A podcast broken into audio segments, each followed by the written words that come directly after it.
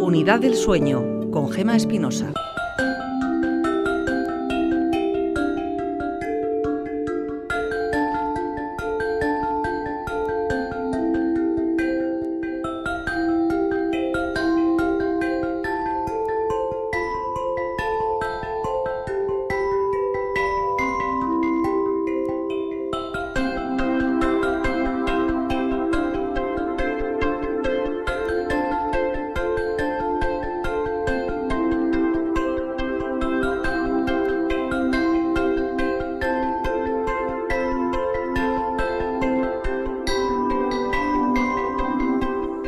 Mejor que no se duerman, que vamos a hablar del sueño. Y lo hacemos con la ayuda de la unidad del sueño de Osiaraba, porque es la referencia para todas las unidades del sueño activas en los hospitales vascos. Un que durante los momentos más críticos de la pandemia se dedicó a lo que tenía que dedicarse, a los enfermos de la COVID, y que cuando ha abierto sus puertas se ha encontrado con una gran parte de la población que no puede dormir porque durante mucho tiempo el cuerpo no tenía actividad o porque la cabeza tenía demasiada, pensando en la posibilidad de enfermar o quizás de morir, elucubrando si lo habré hecho bien o habré tocado algo contaminado, temblando por la posibilidad de perder el trabajo o simplemente porque tanto oír diariamente malas noticias, uno no sabía por qué, pero era incapaz de dormir. ¿Les ha seguido pasando? Carlos Egea, director de la Unidad del Sueño de Osiaraba. ¿Cómo estáis? Gracias por volver a este programa este año más necesario que nunca, ¿no? Jo, que sí. En general, yo creo que todo esto que ha pasado, que el otro día estuve leyendo que se llama la teoría del cisne negro, que es, yo pensaba cuando eh, estábamos en pleno vorágine, decía, ahí va, pues no había sido consciente de lo que iba a pasar. Tendré como en la lotería mala suerte o no sé muy bien anticiparme. Sin embargo, hechos que son inesperados, brutales, con un impacto increíble, han sucedido tantas veces, la Segunda Guerra Mundial, Torres Gemelas, y no era predecible. Es decir, nos ha pasado cosas que ha trastocado nuestra vida de manera súbita y grave. Eso que ha hecho que si ya teníamos problemas de sueño se han multiplicado y si no los teníamos, los tenemos o lo hemos tenido, ¿no? Fruto de la incertidumbre económica, del miedo, que es irracional.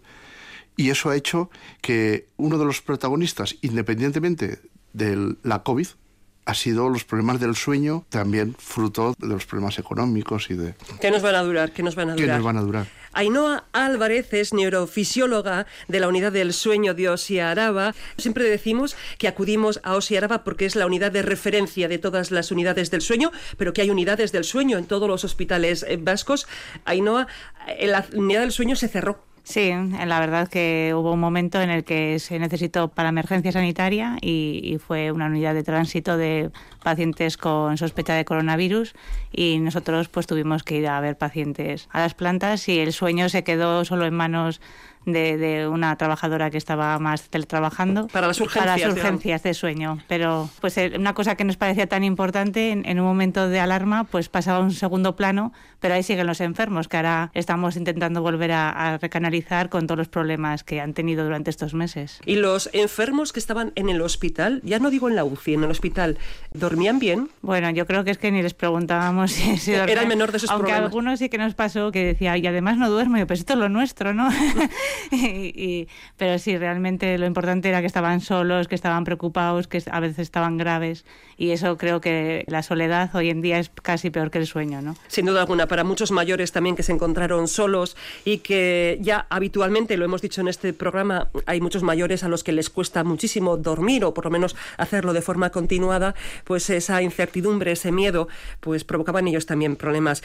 Eh, han quedado graves secuelas para algunos musculares, para otros respiratorias y para muchos, para los que no estuvieron en el hospital, también en el sueño. Si hacemos una foto fija de lo que pasó, es un grupo de personas tenían problemas del sueño y se han visto incrementadas y otros han tenido episodios continuos, casi el 60% en las encuestas que se han hecho han tenido problemas del sueño. Y casi uno de cada cuatro ha tomado o pastillas o ha ido a una tienda naturista para tomar fármacos bien puntualmente o bien de manera continuada. O infusiones o cualquier cosa que les relajase. Claro, porque ha cambiado el sueño, porque no había referentes, porque ya no era al ir al trabajo, no era al ir a salir, no era comer a las horas, era ver más películas teníamos información de radio, televisión y periódicos acerca de cómo iban las cosas y probablemente cada cierto tiempo y probablemente en los peores momentos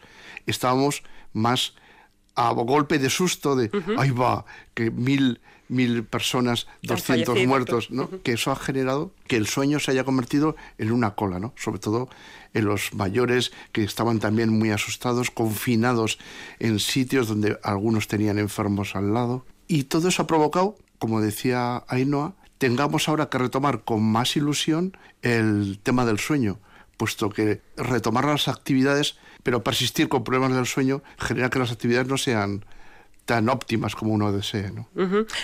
Yo creo que la tensión eh, es la que ha provocado problemas de sueño que te levantes con un dolor de cabeza impresionante. Hubo momentos muy duros por supuesto, para los sanitarios, los que trabajaban en los supermercados, eh, frente al público, mucho más. Esa tensión de estar constantemente escuchando malas noticias sí creaba a lo largo del día una tensión que se reflejaba por la noche. Supongo que mucha gente habrá tenido pesadillas, no lo sé, pero entiendo que habrá tenido pesadillas simplemente motivadas por la tensión, ¿no? ¿Y no? Sí, la verdad es que en los estudios que se han hecho durante el confinamiento se ha visto que las personas tenían horarios de sueño más regulares porque tenían, no tenían tanto horario de trabajo ni para ir al colegio ni para ir al trabajo y realmente incluso han, han, dormido más. Incluso hay estudios que dicen que han dormido un cuarto de hora o media hora más, dependiendo de cada estudio, que cuando no estaban confinados. Pero era curioso que la calidad del sueño era peor. Ajá. ¿Por qué? Pues por este tema que tú comentas, ¿no? Porque realmente la cabeza estaba con ese, con esa tensión, ese estrés añadido que hace que, que nos haya más despertares, que estemos más preocupados porque nuestro cerebro no desconecta mientras dormimos y nos seguimos con nuestras cosas.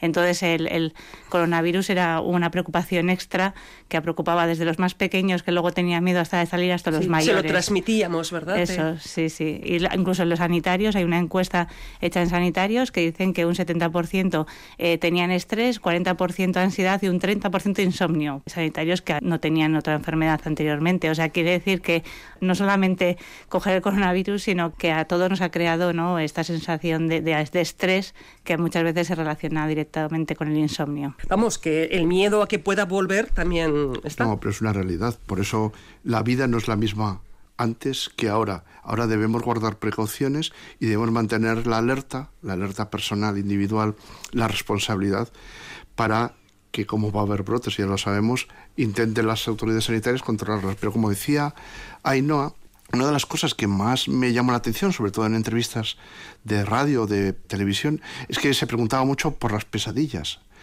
Y es cierto que un montón de personas tenían más pesadillas de lo normal porque el estrés, como decía ella, genera sustancias similares a las drogas, el estrés intenso, ¿eh? uh -huh. que puede tener modificaciones en el sueño REM y que uno se levante con pesadillas reales, pues de muerte de una persona, de confinamiento de toda la familia, todo en el entorno de la película El coronavirus, ¿no? Es curioso, no tardaron en llegar las preguntas. Hola, buenos días. Yo llamo porque yo he tenido problemas intensos de, de sueño, de conciliar el sueño durante la época del confinamiento. Bueno, es normal, ¿no? Eh, pensé, pero Ahora que ya estamos recuperando la normalidad, he percibido que sigo manteniendo este mismo problema. Y por la noche no hay forma de dormir y a veces te despiertas en medio de la mitad de la noche y no hay forma de conciliar el sueño hasta las casi la hora de levantarse. Quería saber si ustedes tienen alguna explicación que darme. Muchas gracias. ¿Alguna explicación? Pues supongo que le durará, ¿no? Le durará sí, la tensión. Sí, lo que pasa que cuando, como ha dicho antes Carlos, cuando en el confinamiento, por ejemplo, estábamos privados de los sincronizadores sociales, de la luz, muchas veces, no dependiendo en qué sitio vivíamos, si teníamos un balconcito o no había balcón, y eso hace que nuestros horarios de dormir y de comer estén más regulados.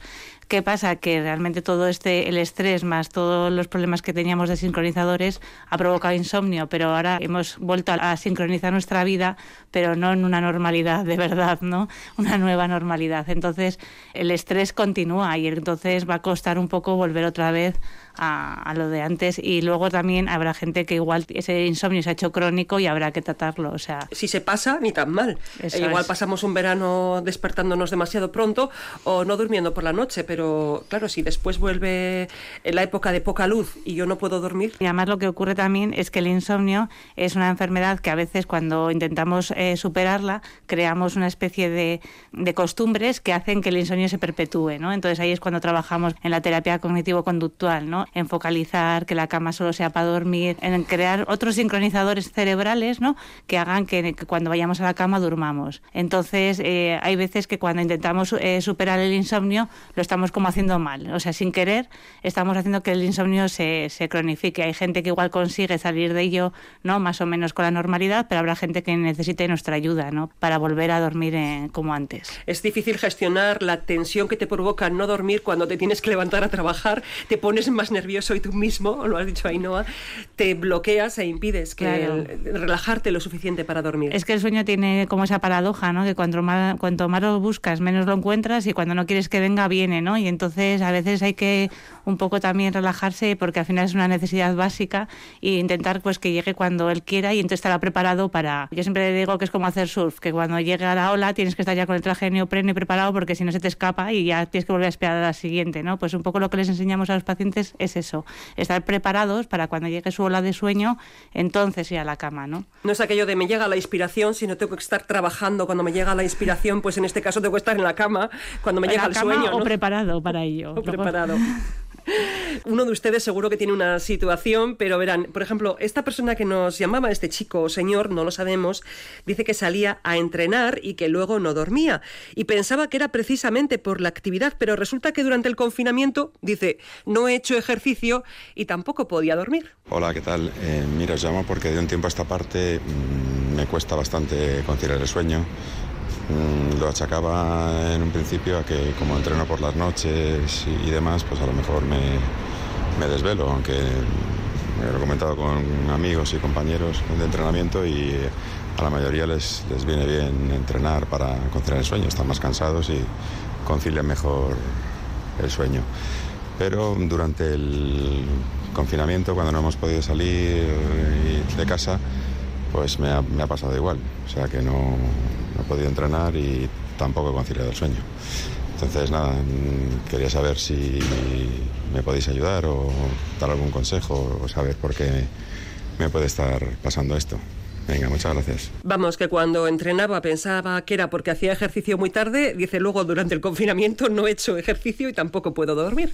Claro, es, bueno, la primera premisa es cierta. Si uno entrena a última hora de la noche en la mayor parte de las personas, eso genera aumento del calor corporal, es decir, los músculos se tensionan tanto, se eleva la temperatura y todo el mundo sabe que si elevamos la temperatura, para dormir hay que bajarla por ejemplo, en Sevilla 40 grados, necesitas bajar varios grados para iniciar el sueño. Lo mismo si haces ejercicio. Eh, ¿Había una, un tope? Entre 18 y 22. 18 y 22. Sí, es lo óptimo. A eso me refiero. A partir de los 22 ya empezamos a tener demasiada temperatura externa. Claro, porque tenemos que bajar la temperatura del cuerpo para iniciar el sueño. Este chico, como ejercita y genera más calor, igual que si te das un baño a 40 grados, tu cuerpo tiene que bajar la temperatura para iniciar el disparo para iniciar el sueño. Luego ella sabe que hacer ejercicio a última hora en la mayor parte de las personas genera insomnio. O sea, insomnio quiere decir que tarda en dormirse. Por eso es bueno hacer el ejercicio a primera hora de la mañana y someterse a la luz. O, dejar un tiempo después de hacer ejercicio, sí, pero como después de cenar. pero bastante, sí, sí, claro. Ah, vale. Claro. ¿Y qué ocurre? Pues que eso igual lo ha llevado ya a tener un insomnio crónico, como decía Ainhoa. Y entonces ya ha entrado en una alteración del comportamiento, igual que el perro de Pavlov, que le tocaba la campana, le daba la comida y segregaba jugo gástrico y luego ya al final tocaba la campana, no le daban la comida y se genera jugo gástrico. Generas cambios de comportamiento que al final te llevan, además de una personalidad, a tener un insomnio que en este entiendo yo que ya es crónico. Y entonces ya la pastilla va muy bien en el tramo corto, en el tete a pero ya este hombre necesitaría manejar el comportamiento, no cambiar la personalidad, que es la terapia cognitivo-conductual, que es cambiar esos comportamientos que te llevan o esas rutinas que te llevan a no dormir Claro, porque dices, ha dejado de hacer ejercicio. Vale, durante el confinamiento no ha hecho nada de, ejercicio o como mucho lo que se puede hacer dentro de casa. Pero también es cierto que no hay una rutina, con lo cual no es válido. Esta persona lo que tendría que hacer es recuperar ahora una serie de rutinas en las que el ejercicio no se realice a última hora de la tarde. ¿Sería esa un poco la solución? Es que él ya ha disparado el insomnio haciendo ejercicio en él, porque sus compañeros eso no les afectaba, pero a él sí, no a todo el mundo le, pasa lo mismo. Le ha, generado un insomnio y ya lo tiene ahí. Y ahora haga ejercicio o no lo haga, ya segrega jugo gástrico. Y entonces, no solamente hay que cambiar las rutinas, sino ya enseñarle a relajarse, a intentar revertir en la medida de lo posible todo aquello que le ha pasado, que es insomnio de inicio, que entiendo que es lo que le pasa. Y luego importante también el concepto de cansancio y, dormir, que no por muy cansados que estemos, esto lo hemos, nos ha pasado a todos, que estás tan cansado que no puedes ni dormir. O a los niños que están muy cansados y, se suben por las paredes, no se duermen. Entonces no hay que estar cansado, no hay que cansarse para dormir, sino que mientras dormimos descansamos y entonces por eso nos da... Pero hay que estar relajado, no cansado. Eso, que muchas veces decimos, jo, es que si no me canso, no, no, no, no hay una relación tan directa de cansancio con, con sueño, ¿no? que es un, es un error que a veces tenemos y que a veces intentamos cansarnos demasiado para dormir y no lo conseguimos, ¿no?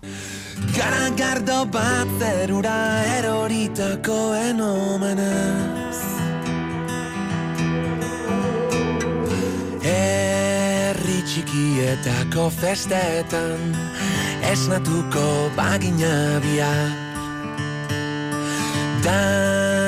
Dantzatuko genuke plazetan Sekula santan ez bezala. Eta kantu bakoitzean Utziko genuke ez tarria. Azkenengoa bailitzan Edota denetan lehenengoa una de las muchas canciones que nos acompañaron durante el confinamiento. Eh, a muchos eh, dentro de la tristeza les hacía sacar las emociones, otros eh, preferían desconectarse del mundo, también era una buena solución, ¿por qué no? Y hablamos de ello como si fuese pasado. Yo decía, no es tan pasado, es un pasado muy reciente, estamos en un stand-by, vamos a decir, pero está claro que el sueño se ha visto afectado y lo seguirá. Olga Barrio está recogiendo esos mensajes que llegan de los oyentes, en muchos casos preocupados por ellos o por otros familiares. Olga, cuéntanos, ¿qué nos preguntan? Bueno, pues hay un oyente que nos dice que no le queda muy claro si los baños de agua caliente antes de dormir son buenos o no. Eh, ¿Quién responde? Baños de agua caliente, a ver qué temperatura estamos hablando, sí. Es que una cosa es un baño de agua caliente y otro es casi como si fueras un huevo hirviendo. Todo lo que genere aumento de la temperatura corporal eh, imposibilita el sueño, bien sea estar en, el África tropical a 45 grados o darte un baño a 45 grados. Los baños son relajantes, siempre y cuando no provoques un aumento de la temperatura y eso se da si el baño es a mucha temperatura. Claro, pero a veces te metes en la ducha con agua caliente, no, es mi caso porque me gusta poco el agua caliente, muy caliente al menos, bien lo has dicho, esa es la diferencia, y después notas más fresquito. Sí, pero estoy hablando de, baño, no de ducha. La ducha es más fugaz porque el agua solo está unos momentos en contacto contigo y el vapor de agua, pero una, lo que hablo es de las películas estas del oeste donde que se, pasan un buen rato, ¿no? Eso es, eso, a y eso me refería. Y no tan el oeste, igual más el centro. Es que me ha venido la figura del salón del oeste. El típico vaquero que llega a la ducha, al bañera y se está allí jabonándose porque no se ha jabonado en cuatro meses, esa es la diferencia. Eh, si no le, queda, eh, no le queda claro, pues ahora le va a quedar. Sí, son buenas eh, los baños de agua caliente como a los niños, como a los bebés, ¿no? Para que se si es una rutina y es algo que te relaja, pues bien, pero teniendo en cuenta eso, que no sea mucho tiempo para no calentar mucho el cuerpo y, el agua más bien templadita, más que caliente. La idea de hacer esos baños eh, templaditos, ¿es mejor por la mañana o por la noche? ¿Tiene alguna influencia dentro del sueño? Pues esa pregunta yo creo que alguien me lo ha hecho y todavía eh, no tiene no es que claro no hay verdades dogmáticas en esto porque no hay estudios científicos que lo avalen. Pero parece que la, de la mañana va se sincroniza más con las hormonas que despiertan por decirlo así y sería mejor que la de la noche aunque todas las madres saben que el baño de la noche de los niños o no, y no, es, es de lo mejor. Las que sois madres lo sabéis, ¿no? Funciona. Sí, funciona, pero también un poco por lo que te digo, ¿no? La rutina, que lo hacemos desde que nacen porque parece que es lo que tiene que ser y entonces ya el niño ya sabe que después del baño ve a la cena y después de la cena va a dormir. Y entonces nuestro cerebro no tiene que pensar si funcionamos así con rutinas, Claro. aunque no nos guste. Luego llega el verano, eh, no le haces la bañera en- a la hora habitual y, ya, la has liado. ya la has liado. Ya la has liado. Eh, una- me surge otra pregunta al respecto. ¿Lo del vasito de leche caliente funciona? Hombre, la, la leche tiene triptófano y el triptófano es una sustancia que se convierte con la, con la oscuridad en melatonina, que es la hormona del dormir. Entonces, por eso hay una relación. Pero bueno, siempre que la leche también templada te guste, o te siente bien. Si tienes una Claro. intolerancia a la lactosa, pues no la tomes. Hombre, Quiere claro. decir que no es un remedio eh, milagroso, pero sí hay gente que le funciona y tiene su, su parte científica. Pero un sincronizador como es, estamos hablando de la leche o el baño, es lavarse los dientes, ¿eh? O sea, ¿Cómo? sí, sí, esa cosa tan sencilla sincroniza porque le está diciendo al cerebro que en los siguientes 10 minutos, con toda probabilidad, se meterá en la cama. El cerebro es un mandado. Con todos los respetos. O sea, tú le dices. No lo había eh, visto así nunca. Después, después de la leche va al sueño, o después del baño, o después de los dientes, siempre y cuando le des indicaciones previas, el cerebro lo asume Claro, y ya sabe que a partir de ahí lo que llega. ¿no? Oscuridad, luz tenue. Eh, habla, terminar de hablar con tu pareja. El estómago le ha dicho que acaba de cenar una, una cosita, un- o sea, toma un vaso de leche. En los dientes, todos son sincronizados. son- todos los relojes se ponen de acuerdo para vamos a iniciar el sueño porque ya lo tengo claro que es el camino. Las, todas las señales me dicen que a, a dormir. Vamos, que lo que funciona con los niños, eh, hacer la rutina, funciona con los mayores, eh, por aquellos que tengan problemas a primera hora para dormir. De- otro día hablaremos de los que se despiertan 80 veces a lo largo de la noche. Pero tenemos más preguntas de los oyentes. Olga, Bueno, pues tenemos una doble pregunta de un mismo oyente. Nos cuenta, yo me despierto siempre sobre las 5 de la mañana, me acuesto tarde y si veo que pasa más de media hora y no me duermo, me pongo la radio. Eso hace que me desvele más. ¿Qué debería hacer? Pero también pregunta, también me pasa que pasada la medianoche a veces me entra hambre y como coma, adiós. Hasta las 2 o las 3 ya no puedo dormir por muy cansada que esté. A Bueno, en la primera la radio, la radio sí, pero fuera de la cama. O sea, si te gusta, tienes que levantarte de la cama y escuchar la radio hasta que te vuelva a entrar el sueño y volver a la cama. Porque si no vamos a asociar la cama a escuchar la radio, que es algo agradable y Sí. que no te va a dar sueño, y entonces no vamos a poder dormir. vale. Eso Descartado. importante. Y comer, pues realmente es verdad que hay gente que tiene hambre, sobre todo suele ser más de dulce y así, a mitad de la noche se levanta y come, si le desvela, mejor no levantarse y comer o dejar algo en la mesilla, un poquito de agua o lo que sea para quitar esa ansiedad, o si no también pues no ir con hambre a la cama, intentar que los horarios de, o sea, no cenar demasiado, pero tampoco irte con hambre, ¿no? Buscar un poco el equilibrio para que a medianoche no te entre Y en todo caso, dejar algo en la mesilla porque el hecho de desplazarte hasta la cocina te despeja. Eso es. Muchas veces recomendamos un poco de agua y así, que es lo que más suele levantar, pero si, si necesita hambre, que tampoco se lleve la nevera a la mesilla, pero algo que le quite un poco la ansiedad en ese momento, ¿no? Sí, yo añadiría que hay un grupo de personas que necesitan la radio para iniciar el sueño.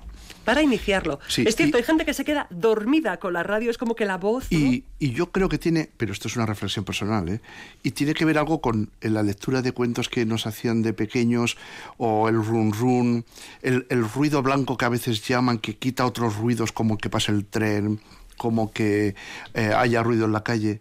Ese ruido que se necesita para dormir, esa lectura de cuentos, nos ayuda a dormir. Y hay personas que necesitan oír algo eh, que quita el ruido exterior y le aísla, le recuerda probablemente de cuando era pequeño, O se concentra en algo y- tanto y se duerme. ¿no?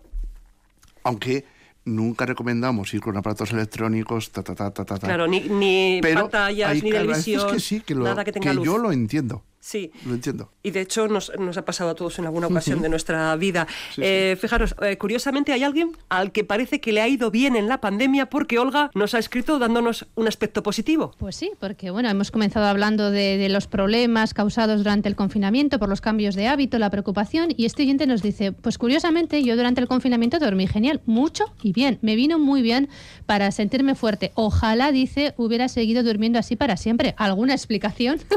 Sí, pues uno de los más importantes, ¿no? Pero es verdad, ¿eh? nosotros sí hemos notado en nuestros pacientes, cuando hemos llamado, los pacientes con hipersomnia y así, que están mucho mejor. Porque, ¿Qué es la hipersomnia? Que, duermen demasiado. Cuando tienen demasiado sueño, ¿no? En momentos en los que no toca. Y entonces ellos han podido regular, con, porque el horario de trabajo era más flexible, han podido regular sus hábitos de sueño o poder echarse una siesta, por ejemplo, la narcolepsia, que muchas veces mejoran echándose una pequeña siesta, pues como estaban en casa se podían echar sus 10 minutos de siesta y seguir trabajando. Y entonces han estado, están mejor, ¿no? Y luego otra cosa que se ha visto en el... Lo cual demuestra que el estrés del día es lo que mata nuestro sueño. Bueno, sobre todo que estos pacientes con problemas de, que tienen mucho sueño tienen que acoplar sus dificultades a su horario laboral. Entonces a veces no se compenetra, ¿no? Porque tú necesitas echar una siesta a las 12 de, del mediodía y le dices a tu jefe en la fábrica, oye, que yo tengo que echarme a dormir y le dice, ¿cómo? ¿No? Entonces, es mi biorritmo. claro, entonces son enfermedades que se entienden poco y, que están poco interiorizadas en la sociedad, ¿no? Entonces el poder regularte en casa pues es una ventaja. O si eres más, más vespertino y te metes a la cama más tarde y te levantas más tarde, tú puedes hacer tu trabajo en tu horario. No tienes que adaptar tu, tu ritmo biológico a tu vida laboral, ¿no? Entonces hay, esos pacientes han mejorado bastante. Y luego otro, otro punto importante es el jet lag social, que no hemos tenido porque no salíamos. O sea, durante la entre semana dormimos a unas horas y el fin de semana cambiamos nuestros hábitos totalmente. Es como si viajásemos dos o tres usos horarios, ¿no? Todos los fines de semana y eso no ha ocurrido en el confinamiento. Hemos tenido las rutinas mucho más regulares porque el fin de semana era igual que entre semana. Qué bien explicado. Lo has resumido, ¿no? Pues, Increíble, Además, es que es en todas las encuestas que se han hecho, que en varios sitios se han hecho, es lo que se refleja, que ha desaparecido el jet lag social. Fruto de que como estábamos en casa, no cambiábamos a que seguro que cuando trabajan todo el mundo, del domingo al lunes, el lunes se hace duro, porque es, un, hace, es como si vendríamos de Estados Unidos. Un jet lag increíble. Como no ha habido trabajo y hemos estado confinados, no ha habido jet lag. Que, que es uno de los problemas incluso de accidentes de tráfico, de que el lunes se rinda peor, etcétera, etcétera. O sea que hay gente a la que sí le ha venido bien el confinamiento. Ha llevado la rutina de la que hablábamos hace un momento, ¿no? Sí, es lo más importante. Bueno, lo podríamos ver desde ese punto de vista. Hombre, algo bueno tenía que tener. Al menos al sueño. bueno, vamos a seguir escuchando mensajes. Por cierto, Olga, creo que hay una anécdota o algún comentario divertido. Cuéntanos. Bueno, estabais hablando de, eh, bueno, pues técnicas, ¿no? Para ayudar a conciliar el suelo, al sueño, lavarse los dientes, el poner la radio como si fuera un sinónimo de, de un cuento, ¿no? De un cuento infantil. Bueno, pues aquí nos dice un oyente que ella o él alguna vez ha probado a contar ovejas y lo único que ha conseguido es ponerse más nervioso nervioso y nos pone un montón de emoticonos de ovejitas. ¿Las ovejitas funcionan? No. no. ¿Cómo van a funcionar las ovejitas? Hombre, porque te concentras en algo, te concentras en algo. y cuando llegues a la mil, ¿qué haces?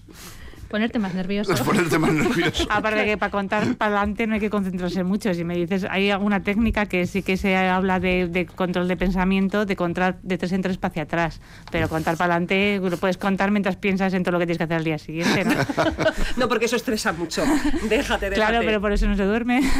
por cierto, hablando de dormir, vamos a escuchar una de las preguntas en las que un oyente nos pregunta cuántas horas hay que dormir. Sorprendentemente, eh, ella, esta ocasión es una mujer, nos dice, ¿es posible estar sano si se duermen cuatro horas? Hay gente que asegura que dormir cuatro horas no le afecta, que siguen rindiendo en el trabajo, que no les cambia el humor. Vamos a escucharlo.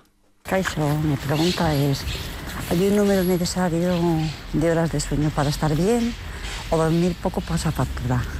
Lo pregunto porque yo estoy en el caso de las que duerme poco, no porque tenga mal sueño, sino porque no tengo tiempo tengo muchas cosas que hacer, me acuesto muy tarde intentando alargar ahí la noche y al final me estoy acostando tipo dos o tres y luego me levanto muy pronto pues porque o trabajo porque me tengo que ir a nadar o porque tengo que ir a caminar, que es uno de mis hobbies y entonces me estoy levantando igual a las seis, se se pecó. O sea, duermo una media de cuatro a seis, que a veces no llega a cuatro, a veces no llega a seis y luego pues un día de cada muchos pues me, permito el lujo de no hacer nada. Mm, ese día igual duermo siete horas, ocho ya no llega.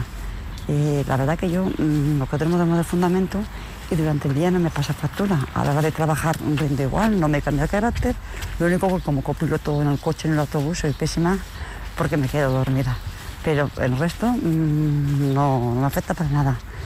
Eh, quería saber si esto me puede pasar factura o o no pasa nada porque yo digo que estoy estupendamente bien y ya digo que ya dormiré cuando no tenga ganas o no pueda físicamente pues hacer estas cosas. Muchas gracias.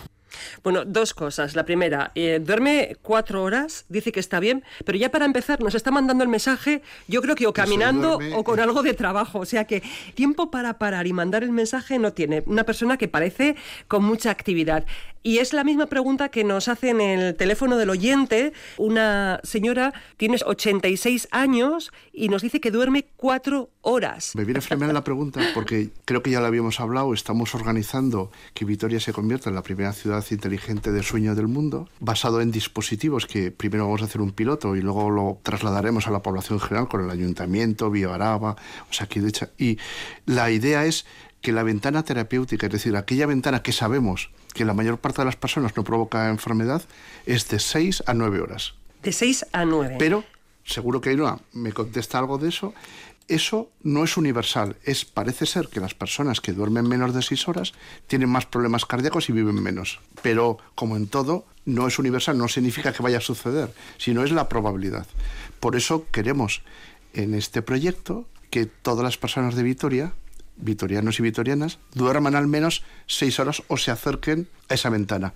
Y seguro que no es lo mismo decir que duermo cuatro Digamos horas. que con Vitoria sería el experimento, vamos a decir, o la investigación que después se podría extender a, cualquier otra unidad del sueño, ¿vale? Y claro, y es que quizás ella tenga la sensación de que duerme cuatro, pero si va sumando lo que se duermen en el autobús, más pequeña siesta, pues seguro que se acerca a seis o muy probablemente seis. En la última encuesta de salud que hizo el gobierno vasco, el 30% de las mujeres alavesas no duermen menos de seis. Que es poquísimo. Es poquísimo y hay muchas personas.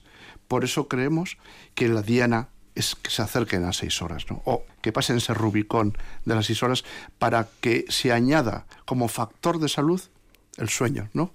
¿Qué efectos tienen dormir cuatro horas o puede tener al futuro? Has dicho eh, enfermedades cardiovasculares. En alguna ocasión hemos hablado de la influencia del sueño en el cáncer, incluso se está investigando. Cuatro horas, mm, bueno, ella dice que no le cambia ni el humor y que puede trabajar igual. Hombre, yo creo, eh, una de las cosas que, que, por eso dice Carlos que voy a hablar, una de las cosas importantes es que hay un un perfil de personas que son cortos dormidores, que pueden dormir cinco horas y estar bien durante el día y no pasa nada. porque, y no tienen que estar preocupados, porque a veces vienen preocupados porque han oído en la radio, por ejemplo, que hay que dormir más de seis horas y vienen a la consulta preocupados de que duermen poco. Si tú, duermes poco y estás bien durante el día, no pasa nada. Estos son cortos dormidores con su sueño regular. Esta oyente está cortando su sueño. En el autobús se duerme, un día recupera sueño. Esto es como si tú harías dieta seis días a la semana y el domingo te pones hasta las cartas las de comer y luego encima cuando puedes picas. O sea, eso no es salud de comer, ¿no? Pues tampoco es salud de dormir.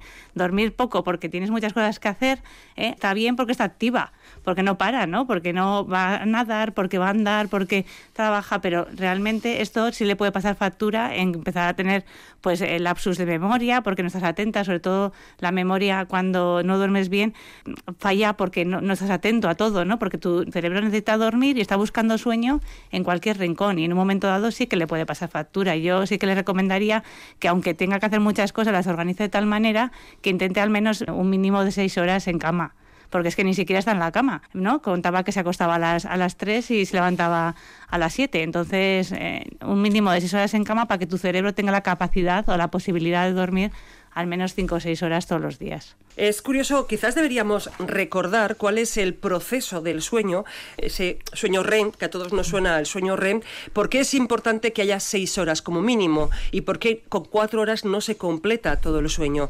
Eh, ¿Lo explicamos? Sí, es, es bien claro. Los, el sueño son como vagones de tren y cada vagón tiene sueño superficial, profundo y REM. Y el ciclo, el vagón dura 90 minutos puede cambiar luego. ¿eh? Entonces, es necesario hacer un, por lo menos dos o tres vagones que constan de, esas fases, porque el, hay que entender el sueño no como descansar, pues para eso me tumbo, sino es un fenómeno de regeneración cerebral, de construcción de inteligencia, de fijación de memoria y al mismo tiempo de desintoxicación de sustancias que tiene el cuerpo. Es para eso, porque si no, nos quedaríamos quietos. También hay zonas en las que los músculos están sin acción y eso también favorecería el descanso. Pero el sueño es un proceso muy activo que tenemos que hacer y además rejuvenece. evita el envejecimiento prematuro y libra de enfermedades cardiovasculares. Por lo tanto, como dice Ainhoa, esta eh, chica debe plantearse que quizás el sueño puede contribuir estamos en la fase esa del sueño, como contribución a la salud, a que tenga mayor estado de salud. Y así es probable que, es probable o posible que no lo mantenga. Cada uno de esos vagones, más o menos, ¿cuánto dura? Ya he dicho que el primer vagón suele aparecer en los 90 minutos. Diríamos que necesitaríamos al menos... ¿Pero qué efecto tiene ese primer vagón? Los tres. Tiene el, efecto de constitución, de inteligencia, desintoxicación y al mismo tiempo fijación de la memoria. De hecho, ya hemos hablado que en, cuando hay un cuerpo a cuerpo, cuando hay estrés postraumático y cuando hay batallas, a los soldados les dificultan el ir pronto a la cama para que el REM no fije y aumenta el estrés postraumático de la batalla cuerpo a cuerpo, o tirando balas o misiles o lo que fuera. Por eso el sueño es muy importante para los niños, sobre todo Ainhoa que sabe que hacen que hay unos trazados que contra más haya, más fijan, más inteligentes. Es que tiene una relación el sueño y la inteligencia, el sueño y las hormonas, el sueño y el corazón, muy importante. Más preguntas. Siempre he tenido problemas para dormir, pero en el confinamiento, al no poder hacer nada, la cabeza no tenía ocupada en esos aspectos, he dormido de cine. Qué bien me ha venido estos meses. He dormido mejor que nunca. Bueno, está clarísimo que estamos preocupados por quienes no han dormido y, han dormido más, ¿no? Hombre, y luego el estrés, ¿no? Que tiene también la, la vida que llevamos, ¿no? De repente se, se separaron las extraescolares de los niños, el ir a para acá, el ir para allá, eh, todas las cosas que teníamos que hacer. Realmente eh, vivimos en, un, en una sociedad de mucho, mucho estrés, que llegamos a la noche con muchas actividades y no tenemos ese espacio de relajarnos, ¿no? Que hablábamos el año pasado dos horas antes de acostarnos para hablar con la familia, para hacer cosas que nos gustan. No tenemos, porque tenemos que hacer tantas cosas en 24 horas eh, que no, no, nos da la, no nos da la vida, ¿no? Ni para dormir. Que se las quitamos normalmente al sueño. Vamos a escuchar otra pregunta. Yo me quedo la noche viendo la televisión y aproximadamente a la hora me despiertan con un cariñoso codazo porque me he quedado dormido y ya subimos a la cama. Lo de ver la televisión hasta última hora, quedarse dormido, lo que decíamos con radio o televisión, pero la televisión tiene pantalla, tiene luz. Claro, pero por ejemplo, este señor se duerme en el sofá, lo he entendido yo, ¿no? Sí, sí, sí, también. Y, entonces ha iniciado el sueño gracias a la televisión. Claro, llega a la una de la mañana y están los dos allá en el sofá y el sueño y el dormir. Entonces, es como si cocinaríamos en el dormitorio o en el váter es que cambiamos nuestras rutinas y si no tienes ningún problema, pues perfecto, pues tu mujer o tu pareja te despierta, te pega un codazo, te metes a la cama, te puedes dormir y si no te duermes. Y si eso te despierta, llegas a la cama y no me duermo, y entonces pues la televisión le despiertas a la pareja, despiertas al vecino porque está oyendo el programa de, de no sé qué, y entonces ya hacemos de una cosa tan sencilla como es, oye, vamos a dormir, oye, vamos a comer, oye, vamos al baño, oye, vamos a pasear, pues un problema, ¿no? Olga, también nos preguntan por alguna no sé si medicación. Sí, nos pregunta un oyente que usar dormidina para dormir es malo. Tomo casi todos los días, un día sí y otro no. La dormidina es un antihistamínico, o sea, es un fármaco que es pensado un poco para las alergias y así, que da sueño y entonces se utiliza para empezar el sueño. ¿no? La histamina también es una sustancia que está muy activa cuando estamos despiertos y entonces al ser un antihistamínico pues te produce sueño. Nosotros no lo usamos habitualmente en la consulta porque a veces da sensación también durante el día un poco de cansancio y un poco resaca, ¿no? que decimos entonces no se suele utilizar. Hombre, lo, ideal es que cuando uno utilice un fármaco, que vaya a su médico, aunque sea su médico de atención primaria, que están también formados en el insomnio, porque ven, son los primeros que ven todos los pacientes con insomnio y que consulte para, porque tomar un fármaco de por vida, pues no es lo mejor, pero bueno, no, no, no tiene grandes efectos secundarios. Vamos, que no es un, que no es una hierba relajante, es un fármaco, hay que tenerlo en cuenta, hay que saber, por lo tanto, cuánto tiempo se lleva tomando, porque igual la solución es ir a la unidad del sueño de su hospital, preguntarle, siempre lo decimos, decírselo al médico de cabecera y el médico de cabecera es el que le dirige directamente a la unidad del sueño del hospital de claro, Porque esta señora, al final, ¿qué va a ocurrir? Que va a necesitar no días alternos, sino todos los días porque tiene un efecto placebo, es decir, duermo, y esto al final va a contribuir a que igual necesita dosis más altas o otros fármacos añadidos. Y entonces ya va a cambiar las conductas porque no necesita ella lavarse los dientes ni eh, estar relajado, sino pastillazo. De hecho, este estado es el sitio donde más se consumen fármacos hipnóticos, antidepresivos de toda Europa. Porque se banaliza quizás el efecto. Sí, o, o no sé, o porque somos diferentes, pero porque tenemos que aplicar nuestra filosofía, que es vamos a hacer las cosas con lógica.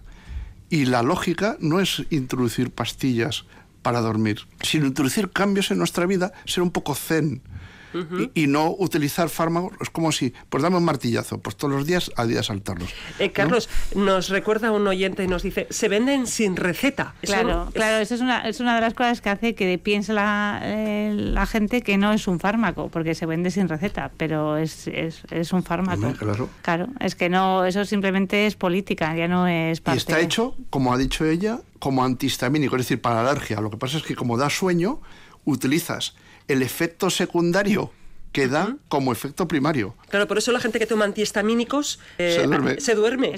no, todos los antihistamínicos, pero una, una, familia sí, da sueño. Por lo tanto, quizás lo que deberíamos plantear a las personas que lo hacen habitualmente, o como bien dices, Carlos, en, ni tan siquiera toman rutina, sino como ya saben que la pastilla le va a hacer efecto. Es su rutina. Exactamente. Que vayan igual espaciando un poco más. En lugar de uno sí y uno no, lo vayan haciendo, tomando un día Que vayan al médico de atención primaria que está muy preparado para ello, hay múltiples protocolos, y que le cuenten, porque lo de hoy, una pastilla, puede ser tres o cuatro pastillas en diez años. De hecho, vemos muchos pacientes que dicen, ¿cuánto tiempo llevas tomando la pastilla? 15. ¿15 qué? Años. Y Dios mío, ¿cómo le voy a tratar a esta persona que si no se agarra a esa pastilla, como el tabaco? ¿Cómo, cómo se lo quito? Tengo que cambiar su forma, no de ser, sino su forma de actuar.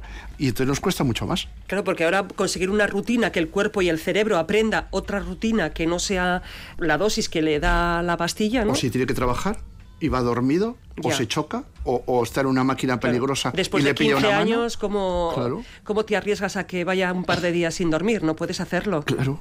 O sea, el, el, trabajo en ese caso de la unidad del sueño sería a mucho a muy largo plazo, ¿no? No, pues eso es lo que Ainhoa, sobre todo, que es la que se dedica al insomnio, está promocionando, ¿no? ¿no? Sí, bueno, que, que hay una forma diferente, ¿no? Que es la que hablábamos del cerebro, de enseñar al cerebro a dormir que no es con pastillas, que a veces hace falta, ¿eh? que a veces la pastilla es como, un, como una escayola que te rompe la pierna y te hace falta, pero luego tienes que rehabilitar, ¿no? Pues lo mismo, hay que, a veces la pastilla es importante para salir del agujero, pero luego hay que enseñar al, cerebro a dormir y evitar las pastillas. Hemos dicho la dormidina. Preguntan también, creo, Olga, por otras medicaciones, ¿no? Sí, nos preguntan si ocurriría lo mismo con la soñodina y con la melatonina, ingerirla.